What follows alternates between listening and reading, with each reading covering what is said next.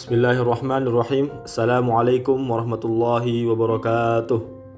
Halo semuanya, kembali lagi bersama kita di podcast Salim dan Zakaev. Insya Allah pada episode kali ini kita akan melanjutkan pembahasan mengenai hari-hari terakhir Rasulullah Shallallahu Alaihi Wasallam. Anas bin Malik menceritakan bahwasannya pada hari Senin, ketika kaum muslimin sedang melaksanakan sholat subuh, waktu itu yang imam adalah sahabat Abu Bakar As-Siddiq Rasulullah Shallallahu Alaihi Wasallam tidak bisa menemui mereka karena sakit. Tetapi beliau berusaha untuk menyingkap tabir kamar Aisyah dan memperhatikan mereka yang sedang berada di saf-saf sholat. Di rumahnya Aisyah itu sampingan sama Masjid Nabawi. Jadi kalau Rasulullah SAW buka uh, pintu gitulah buka tabir, mereka eh, Rasulullah bisa melihat para sahabat sedang sholat seperti itu. Kemudian beliau tersenyum Abu Bakar mundur hendak berdiri di saf solat, di saf makmum, karena beliau mengira bahwasanya Rasulullah Shallallahu Alaihi Wasallam hendak keluar untuk sholat.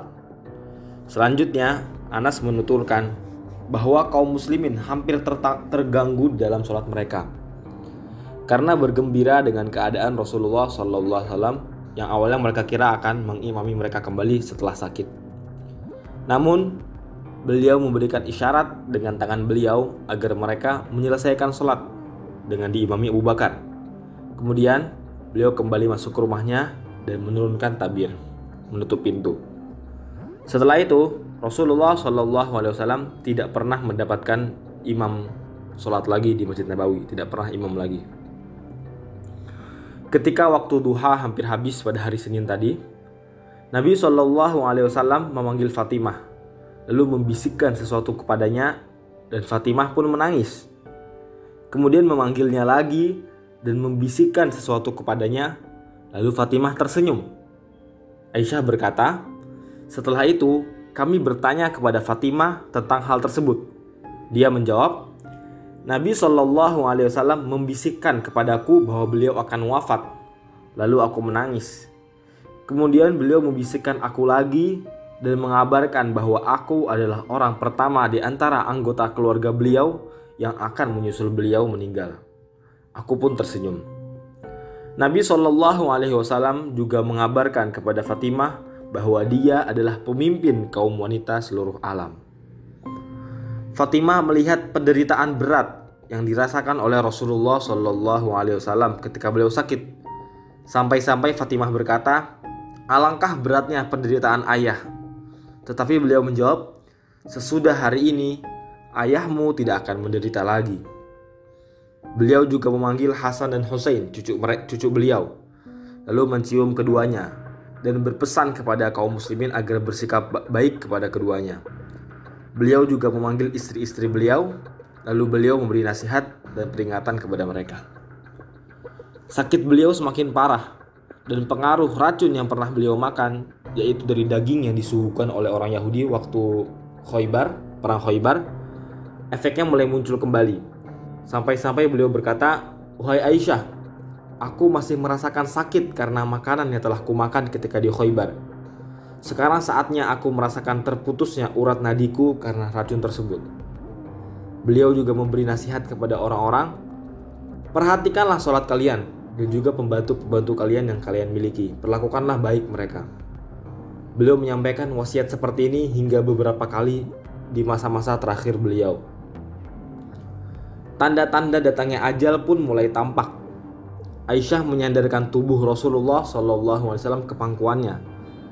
Aisyah berkisah, Sesungguhnya di antara nikmat Allah yang dikaruniakan kepadaku adalah bahwa Rasulullah SAW wafat di rumahku pada hari giliranku dan di pangkuanku dan Allah menyatukan antara ludahku dan ludah beliau saat wafat. Ketika aku sedang memangku Rasulullah Shallallahu Alaihi Wasallam, Abdurrahman bin Abu Bakar masuk dan di tangannya ada siwak.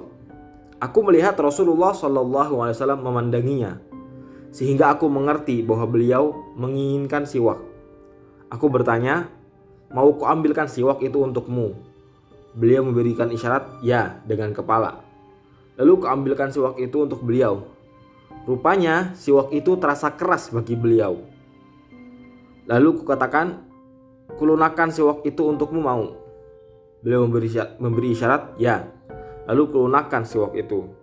Setelah itu, aku mengikat gigi beliau dengan sebaik-baiknya menggunakan siwak tersebut. Sementara itu, di hadapan beliau ada bejana yang berisi air. Beliau memasukkan kedua tangannya ke dalam air tersebut, lalu mengusapkannya ke wajah beliau seraya berkata, La ilaha illallah, sesungguhnya kematian itu ada sekaratnya. Seusai bersiwak, beliau mengangkat kedua tangannya dan jari-jarinya, mengarahkan pandangannya ke langit-langit dan kedua bibir beliau bergerak-gerak. Aisyah mendengar apa yang beliau katakan itu. Beliau berdoa, "Ya Allah, ampunilah kami, rahmatilah aku, pertemukanlah aku dengan kekasih yang maha tinggi." Ya Allah, kekasih yang maha tinggi. Beliau mengulang kalimat terakhir tersebut sampai tiga kali. Lalu tangan beliau mulai lemas dan kemudian beliau kembali kepada kekasih yang maha tinggi yaitu Allah Subhanahu wa taala. Inna lillahi wa inna ilaihi rajiun. Peristiwa ini terjadi ketika waktu duha sedang memanas, yaitu pada hari Senin tanggal 12 Rabiul Awal tahun 11 Hijriah. Ketika itu, beliau berusia 63 tahun lebih 4 hari. Berita duka cita telah merebak dan seluruh penjuru Madinah tampak suram. Anas berkata, Aku belum pernah melihat sesuatu yang lebih baik dan lebih bercahaya dari hari ketika Rasulullah Wasallam datang kepada kami di Madinah. Dan aku belum pernah melihat suatu hari yang lebih buruk dan lebih suram dari hari ketika Rasulullah Shallallahu Alaihi Wasallam wafat. Setelah Rasulullah Shallallahu Alaihi Wasallam wafat, Fatimah berkata, wahai ayah, doamu telah dikabulkan oleh Allah. Wahai ayah, surga Firdauslah tempat kembalimu. Wahai ayah, kepada Jibril kami memberitahukan tentang wafatmu. Berita tentang wafatnya Rasulullah SAW telah membuat Umar bin Khattab hilang kesadaran. Dia berdiri di tengah-tengah masyarakat umum, seraya berkata, orang-orang munafik mengatakan bahwasannya Rasulullah SAW telah wafat. Sesungguhnya Rasulullah SAW tidaklah wafat, tetapi beliau pergi menghadap Allah sebagaimana kepergian Musa bin Imran, yaitu Musa alaihissalam. Musa pernah pergi meninggalkan kaumnya selama 40 malam, lalu kembali kepada mereka setelah dikatakan bahwa dia telah meninggal dunia. Demi Allah, Rasulullah Shallallahu Alaihi Wasallam pasti akan kembali dan beliau pasti akan memotong tangan dan kaki orang-orang yang mengatakan bahwa beliau telah meninggal dunia. Itulah statement yang dikeluarkan oleh Umar bin Khattab radhiyallahu anhu. Untuk selanjutnya akan dilanjutkan oleh Abu. Silakan Bu lanjutkan. Oke Pi, aneh lanjutin. Sekarang kita masuk ke sikap Abu Bakar terhadap kematian Rasulullah Shallallahu Alaihi Wasallam. Ketika itu Abu Bakar berada di rumahnya ketika mendengar kabar dari kabar duka tentang Rasulullah Shallallahu Alaihi Wasallam dan Abu Bakar pun langsung turun dari rumahnya menuju yang berada di dataran tinggi Madinah menuju rumah Rasulullah Shallallahu Alaihi Wasallam.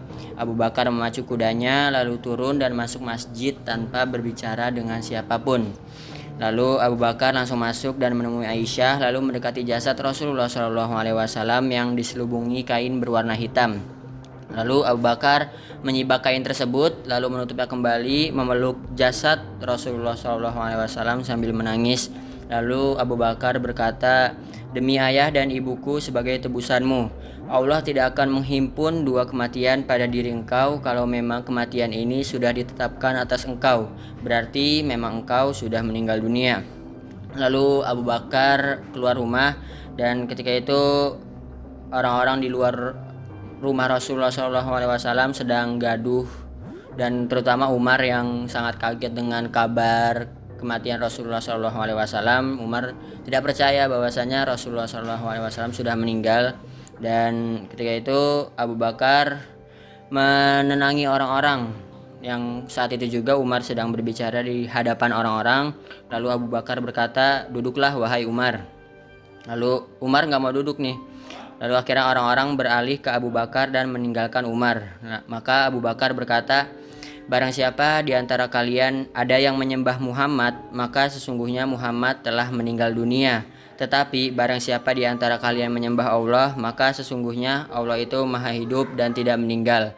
Lalu Abu Bakar pun mengingatkan kepada kaum muslimin tentang sua, sua, uh, sebuah ayat di mana itu adalah menjelaskan Rasulullah SAW yaitu pada surat Ali Imran ayat 144 yang berbunyi Wama Muhammadun illa rasul qad khalat min qablihi rusul. Afa imma ta'uqutilan qalabatum ala aqabikum wa man yanqalib ala aqibaihi fala yadurrullaha syai'a wa sayajzillahu syakirin Lalu ketika Abu Bakar selesai membacakan ayat itu, maka orang-orang pun sadar seakan-akan mereka nggak pernah dengar ayat itu terus sebelumnya. Dan Umar pun yang tadinya nggak percaya jadi percaya bahwasanya Rasulullah SAW sudah meninggal dunia. Dan ketika mendengar ayat itu Umar langsung lemas dan jatuh Lalu Umar berkata, Demi Allah setelah mendengar Abu Bakar membacakan ayat tersebut, aku pun menjadi linglung hingga aku tak kuasa mengangkat kedua kakiku hingga aku terduduk di tanah saat mendengarnya. Kini aku sudah tahu bahwa Nabi Shallallahu Alaihi Wasallam memang sudah meninggal dunia. Lalu sebelum mengurus jasad Rasulullah Shallallahu Alaihi Wasallam terjadi uh, perbedaan pendapat di antara kaum muslimin tentang siapa yang akan menggantikan Rasulullah Shallallahu Alaihi Wasallam selanjutnya sebagai pemimpin kaum muslimin. Dan perbedaan pendapat ini terjadi di antara kaum muhajirin dan ansor di Ban Sakifah Bani Sa'idah lalu mereka akhirnya sepakat mengangkat Abu Bakar sebagai khalifah selanjutnya atau pemimpin umat muslim selanjutnya. Hal ini terjadi hingga masuk waktu malam dari hari Senin Orang-orang sibuk membuat persiapan untuk mengurus jasad Rasulullah SAW hingga akhir malam mendekati subuh atau malam Selasa. Sementara jasad Rasulullah SAW masih tetap membujur kaku di atas tempat tidur dengan diselubungi kain hitam. Pintu rumah ditutup dan hanya boleh dimasuki keluarga beliau. Lalu akhirnya pada hari Selasa, para keluarga Rasulullah SAW memandikan jasad beliau tanpa melepaskan kain yang menyelubungi. Adapun yang memandikannya adalah ada Al Abbas, Ali, Al Fadl, Qatsam. Qatsam ini adalah kedua anaknya Al Abbas. Terus Syarqon pembantu Rasulullah SAW. Lalu ada Usamah bin Zaid dan Aus bin Khaili. Adapun tugas-tugasnya adalah Al Abbas, Al Fadl dan Qatsam bertugas membalikan jasad Rasulullah SAW. Syarkon mengguyurkan air, Ali membersihkannya dan Aus mendekap jasad beliau di dadanya. Lalu mereka mengkafani jasad beliau dengan tiga lembar kain putih dari bahan katun tanpa menyertakan pakaian ataupun penutup kepala.